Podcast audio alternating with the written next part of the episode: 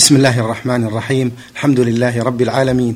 والصلاة والسلام على أشرف الأنبياء والمرسلين نبينا محمد وعلى آله وصحبه أجمعين. اللهم صل أيها الإخوة والأخوات السلام عليكم ورحمة الله وبركاته. وأهلا ومرحبا بحضراتكم إلى درس مبارك من دروس المنتقى. ضيف اللقاء هو سماحة العلامة الشيخ عبد العزيز بن عبد الله بن باز المفتي العام للمملكة العربية السعودية ورئيس هيئة كبار العلماء. مع مطلع هذا اللقاء نرحب بسماحة الشيخ فأهلا ومرحبا يا سماحة الشيخ. حياكم الله وبارك قال المؤلف رحمه الله تعالى باب قراءة سورتين في ركعة وقراءة بعض سورة وتنكيس السور في ترتيبها وجواز تكريرها. عن أنس قال كان رجل من الأنصار يؤمهم في مسجد قباء فكان كلما افتتح سورة يقرأ بها لهم في الصلاة مما يقرأ به افتتح بقل هو الله أحد حتى يفرغ منها ثم يقرأ سورة أخرى معها فكان يصنع ذلك في كل ركعة. فلما أتاهم النبي صلى الله عليه وسلم أخبروه الخبر فقال وما يحملك على لزوم هذه السوره في كل ركعه؟ قال اني احبها قال حبك اياها ادخلك الجنه رواه الترمذي وأخرجه البخاري تعليقا وعن حذيفة قال صليت مع النبي صلى الله عليه وسلم ذات ليلة فافتتح البقرة فقلت يركع عند المئة ثم مضى فقلت يصلي بها في ركعة فمضى. فقلت يركع بها. فمضى. ثم افتتح النساء. فقرأها. ثم افتتح آل عمران. فقرأها مترسلا. إذا مر بآية فيها تسبيح سبح. وإذا مر بسؤال سأل سأل. وإذا مر بتعوذ تعوذ. ثم ركع. فجعل يقول سبحان ربي العظيم. فكان ركوعه نحوا من قيامه. ثم قال سمع الله لمن حمده. ربنا ولك الحمد. ربنا لك الحمد. ثم قام قياما طويلا قريبا مما ركع. ثم سجد فقال سبحان رب الأعلى. فكان سجوده قريبا من قيامه. رواه أحمد ومسلم والنسائي. وعن رجل من جهينة أنه سمع النبي صلى الله عليه وسلم يقرأ في الصبح إذا زلزلت الأرض في الركعتين كلتيهما. قال فلا أدري فلا أدري أنسي رسول الله أنسي رسول الله صلى الله عليه وسلم أم قرأ ذلك عمدا؟ رواه أبو داود. وعن ابن عباس أن النبي صلى الله عليه وسلم كان يقرأ في ركعتي الفجر في الأولى منهما قولوا آمنا بالله وما أنزل إلينا الآية التي في البقرة وفي الآخرة آمنا بالله واشهدوا بأننا مسلمون. وفي رواية كان يقرأ في ركعتي الفجر قولوا آمنا بالله وما أنزل إلينا التي في آل عمران. وفي رواية كان يقرأ في ركعتي الفجر قولوا آمنا بالله وما أنزل إلينا والتي في آل عمران. تعالوا إلى كلمة سواء بيننا وبينكم رواهما أحمد ومسلم. بسم الله الرحمن الرحيم. الحمد لله وصلى الله وسلم على رسول الله وعلى آله وأصحابه ومن اهتدى بهدى أما بعد ففي هذه الأحاديث وما جاء في معناها فوائد. منها الدلالة على جواز قراءة عدة من السور في ركعة واحدة. كما قرأ النبي صلى الله عليه وسلم في صلاة الليل سورة البقرة والنساء وآل عمران كما في حديث حذيفة. واستقر في العرضة الأخيرة تقديم آل عمران ثم النساء. البقرة ثم آل عمران ثم النساء. كما عليه المصحف. وكما في إمام أهل قباء كان يقرأ بعد الفاتحة يقول هو الله أحد وسورة أخرى. فهذا يدل على جواز ذلك وأنه لا حرج في ذلك أن يقرأ الفاتحة ويقرأ بعدها سورتين أو ثلاث أو سورة واحدة أو بعض الآيات كما قرأ النبي في ركعتي الفجر بعض الآيات. وفي هذا أنه لا بأس أن يكرر قل هو الله أحد في الركعات. لعظم شأنها وتكونها تعدل ثلث القرآن. فإن الرسول لما سأله قال لماذا تقرأها في كل ركعة؟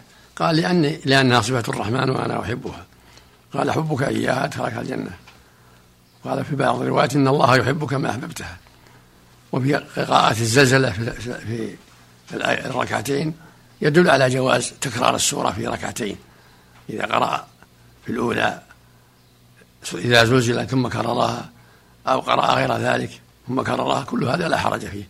وكان الغالب عليه صلى الله عليه وسلم أنه يقرأ في الثانية غير ما قرأ في الأولى وهذا هو الأفضل. وكان صلى الله عليه وسلم يطيل في قراءة صلاة الفجر وكان يقرأ في العشاء والظهر من من أوساط المفصل والعصر كذلك. وكانت العصر أخف من الظهر وكان المغرب وكان في المغرب في الغالب يقرأ بقصار المفصل وربما قرأ بطوال المفصل هذا هو السنة تحري ما كان يفعل عليه الصلاة والسلام في صلاته وما أقره وما أرشد إليه عليه الصلاة والسلام. نعم. أحسن الله إليكم. قال المؤلف رحمه الله تعالى باب جامع القراءة في الصلاة. عن جابر بن سمرة نعم. أن النبي صلى الله عليه وسلم كان يقرأ في الفجر بقاف والقرآن المجيد ونحوها وكانت صلاته بعد إلى تخفيف وفي رواية كان يقرأ في الظهر بالليل إذا يغشى وفي العصر نحو ذلك وفي الصبح أطول من ذلك رواهما أحمد ومسلم.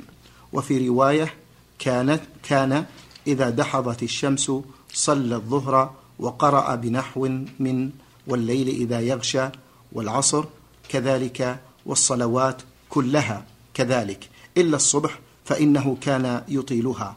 رواه أبو داود. وعن جبير بن مطعم قال سمعت رسول الله صلى الله عليه وسلم يقرأ في المغرب بالطور.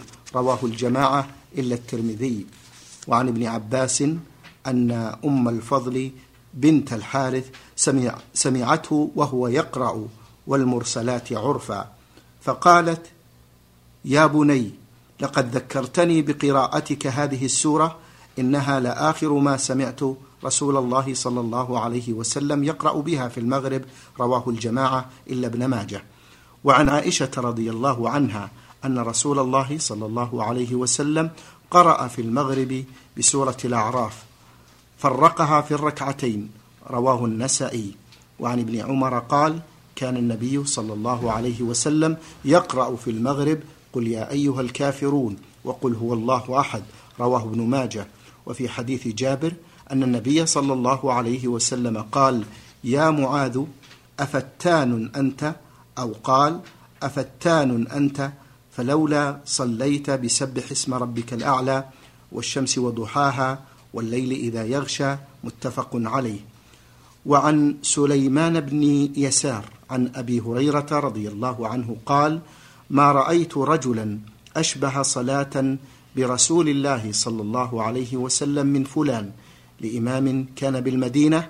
قال سليمان فصليت خلفه فكان يطيل الأوليين من الظهر ويخفف الأخريين ويخفف العصر ويقرأ في الأوليين من المغرب بقسار المفصل ويقرأ في الأوليين من العشاء من وسط المفصل ويقرأ في الغداة بطوال المفصل رواه أحمد والنسائي. هذه الأحاديث كلها تدل على أنه ينبغي للمؤمن أن يتحرى في الأوقات الخمسة كما كان النبي يتحرى في قراءته صلى الله عليه وسلم. فالأفضل أن يقرأ في الفجر من طوال المفصل مثل القاف والذاريات والطور وأشباه ذلك.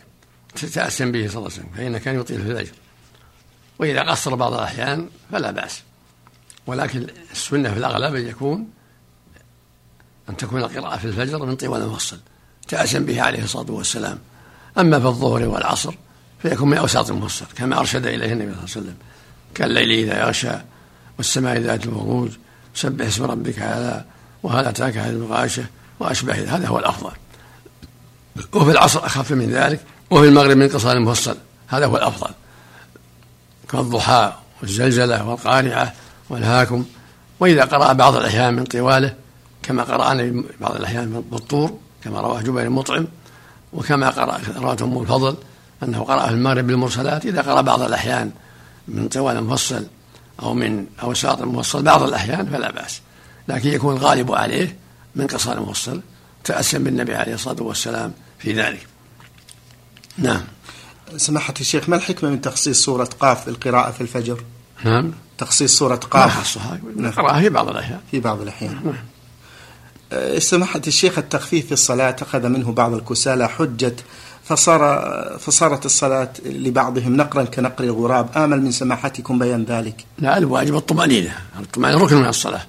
القراءة غير الطمأنينة. الطمأنينة لا بد منها في الركوع والسجود وبين السجدتين وبعد الركوع. لا بد من الطمأنينة. والقراءة مراعاة للناس لئلا يشق عليهم. ولهذا لما طول معاذ غضب عليه وقال أفتن أنت يا معاذ؟ اقرأ بسبح ربك على والليل إذا غشى واقرأ ربك لأنهم شكوه في تطويله في صلاة العشاء عليه الصلاة والسلام رضي الله عنه. فالمؤمن يتحرى الشيء اللي ما يشق على الناس ولا ينفرهم من صلاة الجماعة. لكن مع الطمأنينة في ركوعه وسجوده وبين السجدتين وحين يقوم بعد الركوع ينتصب يطمئن؟ نعم. سماحة الشيخ حفظكم الله يقول بعض العلماء يكره للإمام أن يسرع سرعة تمنع المأموم من إتيان المستحبات في الصلاة. فكيف بمن يسرع سرعة تمنع من إتيان الواجب؟ الطمأنينة هذا معنى الطمأنينة يطمئن. طمأنينة تمكنه من تكرار التسبيح ثلاث مرات الركوع والسجود أو خمس مرات أو سبع مرات مع مع الدعاء في السجود. وكذلك الركوع بين السجدتين. حتى يكثر من الدعاء. رب اغفر لي اللهم اغفر لي وارحمني واهدني هكذا ينبغي. يتحرى الرفق بهم حتى يتمكنوا من أداء السنة ومن الدعاء في محل الدعاء. سماحة الشيخ إذا أسرع الإمام في الصلاة ولم يستطع المأموم أن يلاحقه هل ينوي الإفراد أم ماذا يفعل؟ إذا أسرع أسرعة تبطل الصلاة. بطل الصلاة لابد من الطمأنينة. الإمام اللي لا يطمئن لا صلاة. مثل ما أمر النبي الأعرابي يعيد الصلاة. فإذا كان إماما لا يطمئن ما يصلى خلفه. ينفرد نعم. أخيرا سماحة الشيخ هناك مسألة استفسر عنها كثير من الإخوان وهو أنه تكثر المشاكل خاصة من كبار السن عن الإمام فيقولون طولت أو قصرت أو تأخرت أو بكرت مما ينفر الإمام ويترك الإمامة. هل المساجد بنيت لهذا اللغط؟ يتحرى السنة في الأمور كلها. يتحرى السنة ولا يبالي. وإذا خاطبوا خاطبهم بالتي أحسن وبين لهم السنة. أحسن الله إليكم وبارك فيكم سماحة الشيخ. قال المؤلف رحمه الله تعالى باب الحجة في الصلاة بقراءة ابن مسعود وأبي وأبي وغيرهما مما أثنى مما أثني على قراءته. عن عبد الله بن عمرو قال قال رسول الله صلى الله عليه وسلم خذوا القرآن من أربعة من أم من ابن أم عبد فبدأ به ومعاذ بن جبل وأبي بن كعب وسالم مولى أبي حذيفة رواه أحمد والبخاري والترمذي وصححه. وعن أبي هريرة أن النبي صلى الله عليه وسلم قال من أحب أن يقرأ القرآن غضا كما أنزل فليقرأه, فليقرأه على قراءة ابن أم عبد. رواه أحمد. وعن أنس قال قال رسول الله صلى الله عليه وسلم لأبي إن الله أمرني أن أقرأ عليك لم يكن الذين كفروا وفي رواية أن أقرأ عليك القرآن. قال وسماني لك. قال نعم. فبكى متفق عليه. هذه الأحاديث تدل على أنه أن القارئ يتحرى القراءة التي قرأ بها الصحابة. نقل عن النبي صلى الله عليه وسلم كم بن مسعود وأبي بن كعب وزيد بن ثابت وسالم مولى أبي حذيفة ونحو ذلك لأنهم أخذوها عن النبي صلى الله عليه وسلم. لكن الحمد لله الآن كفي الناس رتب الصحابة ذلك في عهد عثمان وانتهى الأمر بحمد الله على المصحف الموجود الذي اجتمع عليه الصحابة رضي الله عنهم وأرضاهم. فينبغي ألا يتجاوز الناس ما رسم في المصحف. وأن يقرأوا بما في المصحف الذي أثبته الصحابة عن النبي عليه الصلاة والسلام مع الترتيل ومع الركود ومع الخشوع والطمأنينة حتى ينتفع الناس بالقراءة حتى يخشعوا حتى يستفيدوا. فالقارئ في الصلاة وغيرها يخشع ويتحرى الترتيل والإيضاح حتى ينتفع الناس بقراءته. نعم. سماحة الشيخ ما معنى خذوا القرآن؟ يعني تعلموه واستفيدوا. تعلموه وتحفظوه عن هؤلاء في عهد النبي عليه الصلاة والسلام. نعم. لأنهم كانوا حفظوه عن النبي صلى الله عليه وسلم كما ينبغي. نعم. ولما خصوا هؤلاء شيخ بالذكر؟ لحفظهم وعنايتهم به رضي الله عنهم وأرضاه. مر علينا سماحة الشيخ غضا كما أنزل ما معناه؟ طيب يعني على حاله لم يتغير. بحروفه ولهجته التي قرأ بها النبي صلى الله عليه وسلم. اللهم صل اللهم صل على نبينا محمد. ما حكم تحسين الصوت في القراءة من أجل تنشيط الناس؟ مش مشروع. مثل ما في الحديث زينوا أصواتكم بالقرآن زينوا القرآن بأصواتكم. ولما سمع النبي أبا موسى قال لقد أوتي هذا مزمارا من مزامير آل داود. فقال أبو موسى لو علمت أنك تسمع لحبرته لك تحبيرا. تحسين القرآن وترتيله هذا مما ينفع الناس ويسبب خشوعهم واستفادتهم أكثر.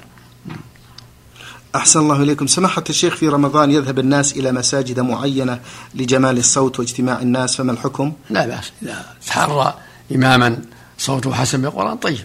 يعينه على الفهم والتدبر. أحسن الله إليكم.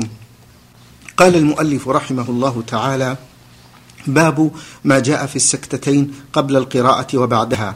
عن الحسن عن عن سمرة عن النبي صلى الله عليه وسلم أنه كان يسكت سكتتين إذا استفت إذا استفتح الصلاة إذا استفتح الصلاة وإذا فرغ من القراءة كلها.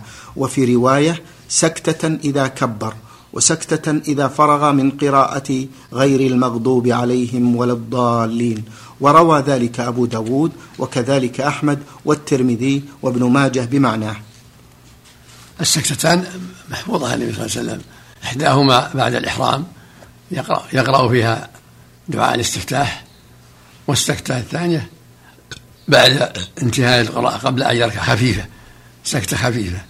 أما السكتة بعد الفاتحة ففيها ضعف لأن الحسن روى عن سمرة بالتدليس يعني بالعنعنة والحسن مدلس ولم يحفظ أنه سمع من سمرة إلا حديث العقيقة. لكن إذا سكت بعد الفاتحة قليلا لا بأس حتى يقرأ الناس الفاتحة لا حرج في ذلك. نعم. سماحة الشيخ ولكن من متى يقرأ المأموم الفاتحة إذا لم يسكت؟ إن سكت الإمام يقرأ في السكتة وإن لم يسكت يقرأ ولو الإمام يقرأ. الحمد لله. لقوله صلى الله عليه وسلم لعلكم تقرؤون خلف الإمام. قلنا نعم. قال لا تفعلوا إلا بفتح الكتاب فإنه لا صلاة لمن لم يقرأ بها يقرأ ولو الإمام يقرأ. ثم إذا كملها أنصت.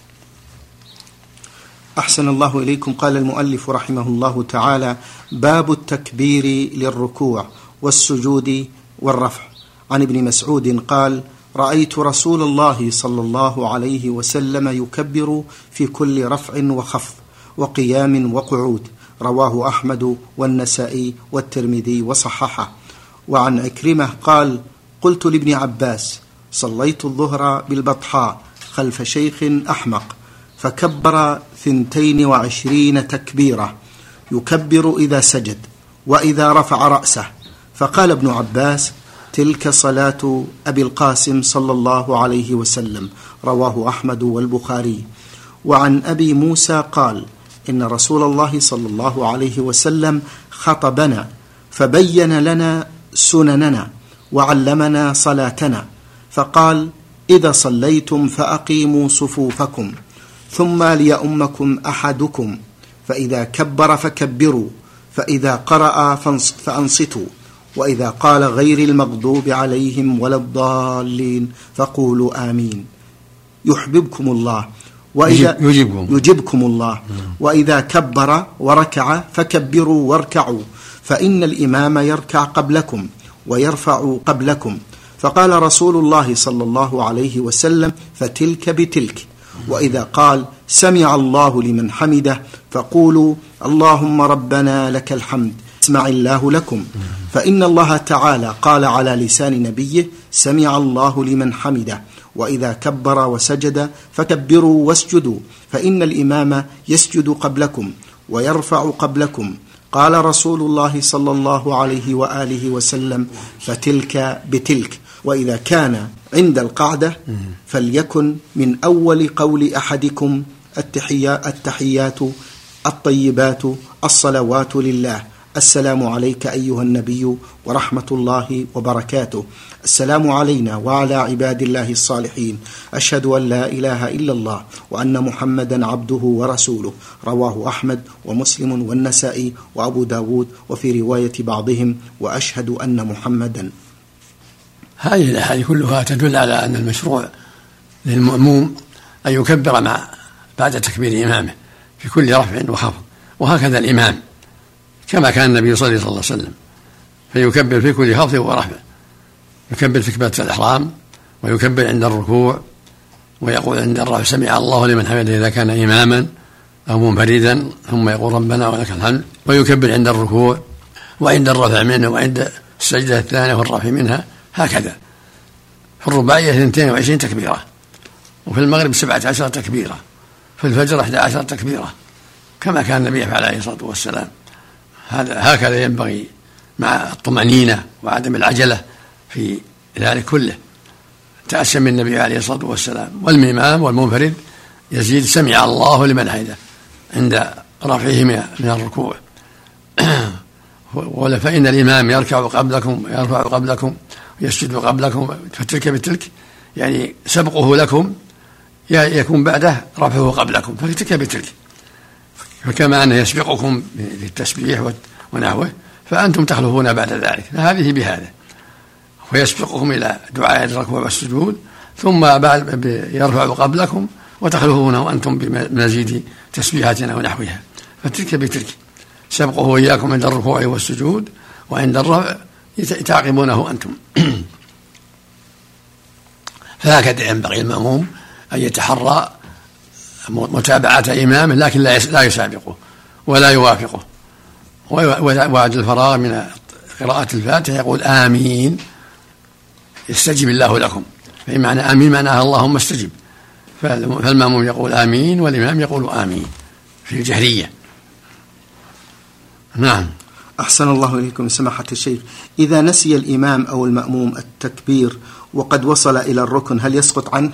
يسقط إذا نسيه المأموم الإمام والمأموم كلهم والمنفرد. إذا نسي في الركوع أو السجود سقط بالسهو. لكن يسجد للسهو الإمام والمنفرد يسجد للسهو. أما المأموم تبع إمامه.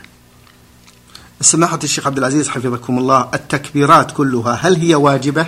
واجبة على الصحيح. فيها خلاف لكن الأصح أنها واجبة لأن الرسول أمر بها. وقال صلوا كما رأيتموني أصلي وهكذا قول سمع الله لمن حمده للإمام المنفرد. ربنا ولك حمد الجميع واجبة أيضا. وهكذا سبحان ربي على في السجود سبحان ربي العظيم في الركوع كله واجب على الصحيح. نعم. سماحة الشيخ حكم قول آمين في غير الفاتحة مثل لو قرأها الإمام لو قرأ الإمام آيات فيها دعاء وفي النهاية, النهاية يقول المأموم آمين. ما له في بس بينه وبين نفسه. طيب. ما له في. وآمين سماحة الشيخ عبد العزيز هل هي ما ورد ما ورد في هذا الشيء لكن لو قالها لا يضر. نعم. لا يضر. بينه وبين نفسه. نعم. طيب. حفظكم الله.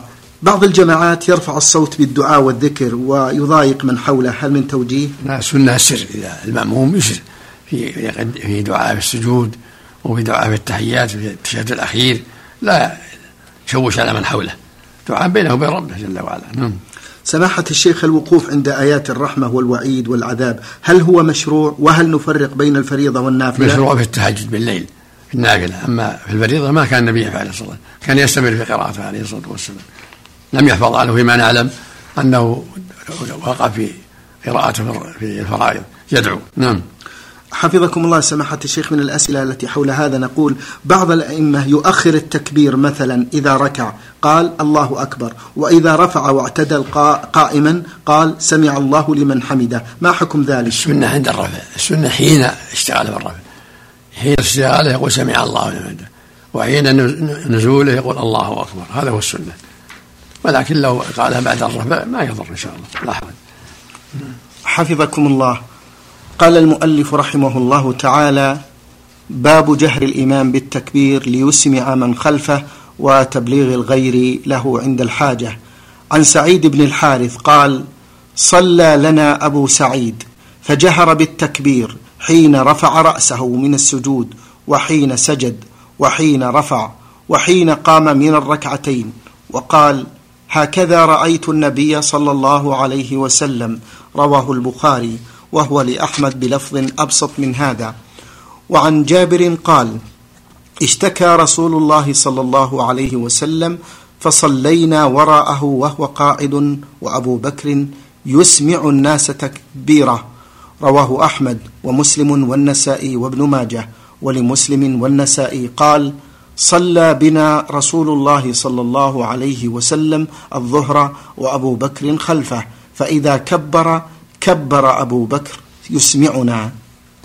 هذا هو المشروع الجهر بالتكبير حتى يسمع الناس.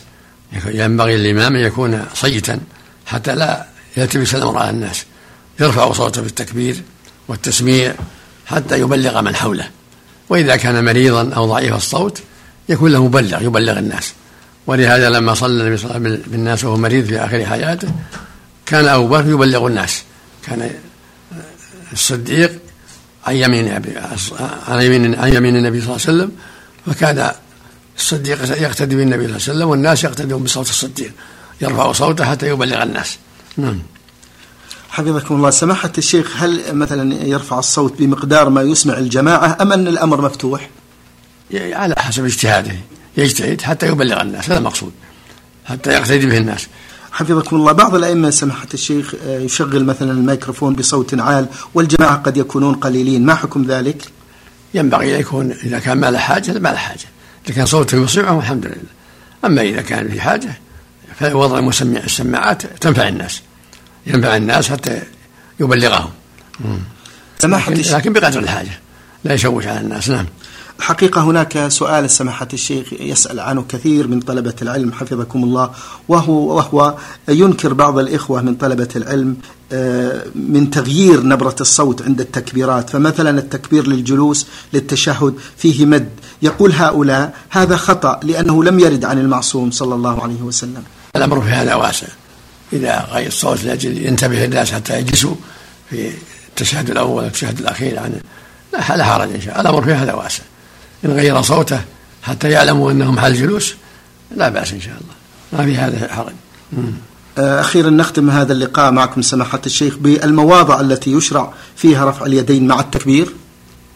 أربعة مواضع. عند التحريمة أو أول تكبيرة وعند الركوع وعند الرفع منه وعند القيام التشهد الأول إلى الثالثة. هذه مواضع الرفع اليدين. أربعة. عند الإحرام وعند الركوع وعند الرفع منه وعند القيام التشهد الأول إلى الثالثة. والباقي يكبر بدون رفع شكر الله لكم سماحة الشيخ وبارك الله فيكم وفي علمكم ونفع بكم الإسلام والمسلمين. أيها الإخوة والأخوات كان معنا في برنامج شرح كتاب المنتقى سماحة الشيخ عبد العزيز بن عبد الله بن باز المفتي العام للمملكة العربية السعودية ورئيس هيئة كبار العلماء. شكر الله لسماحة الشيخ على ما بين لنا. وفي الختام تقبلوا تحيات الزملاء من الإذاعة الخارجية فهد العثمان ومن هندسة الصوت سعد عبد العزيز خميس. والسلام عليكم ورحمة الله وبركاته.